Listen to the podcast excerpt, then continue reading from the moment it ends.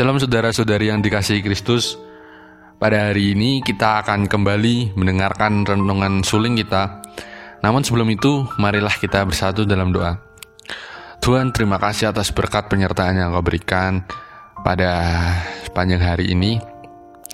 Dan sebentar kami akan mendengarkan renungan suling ini. Kiranya kau dapat membukakan hati dan pikiran kami untuk dapat mendengarkan dan memahami apa yang kau firmankan kepada kami. Kami menyerahkan seluruh doa dan permohonan kami ke dalam tangan kuasamu. Dalam nama Tuhan Yesus kami telah berdoa dan mengucap syukur. Haleluya. Amin.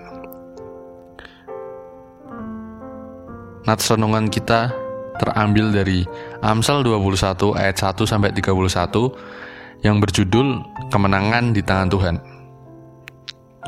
Amsal 21 ayat 31 berbunyi, Kuda diperlengkapi untuk hari peperangan, tetapi kemenangan ada di tangan Tuhan. Pada zaman dahulu, bagi raja dan para serdadu atau tentara, kuda dan keretanya merupakan lambang kekuatan. Kuda dan kereta menjadi simbol kejayaan pasukan perang. Kuda dan kereta dianggap senjata perang yang lebih bernilai, karena keduanya dapat menjadi penentu kemenangan atau kekalahan dalam perang. Karena itu ukuran kekuatan sering dilambangkan dengan kegagahan kuda dan kekuatan keretanya. Kalau zaman sekarang, kekuatan kuda dan kereta bisa disamakan dengan kecanggihan teknologi. Penulis Amsal tidak memungkiri bahwa kuda memang menjadi perlengkapan yang penting untuk berperang.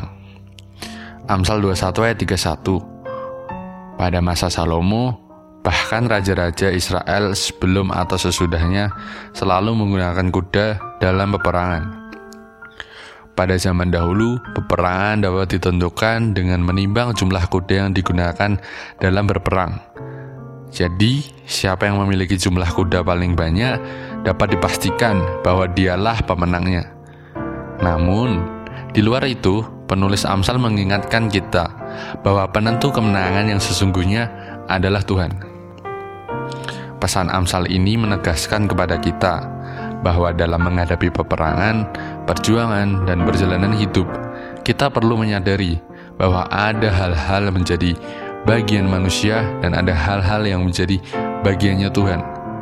Bagian kita adalah mempersiapkan diri sebaik mungkin kita perlu bekerja keras, kita perlu berjuang, sama seperti prajurit pada zaman dahulu yang mempersiapkan kuda untuk memasuki hari peperangan. Namun, sehebat-hebatnya kuda dan kecakapan kita, kemenangan dan keberhasilan kita sesungguhnya juga karena ada campur tangan Tuhan.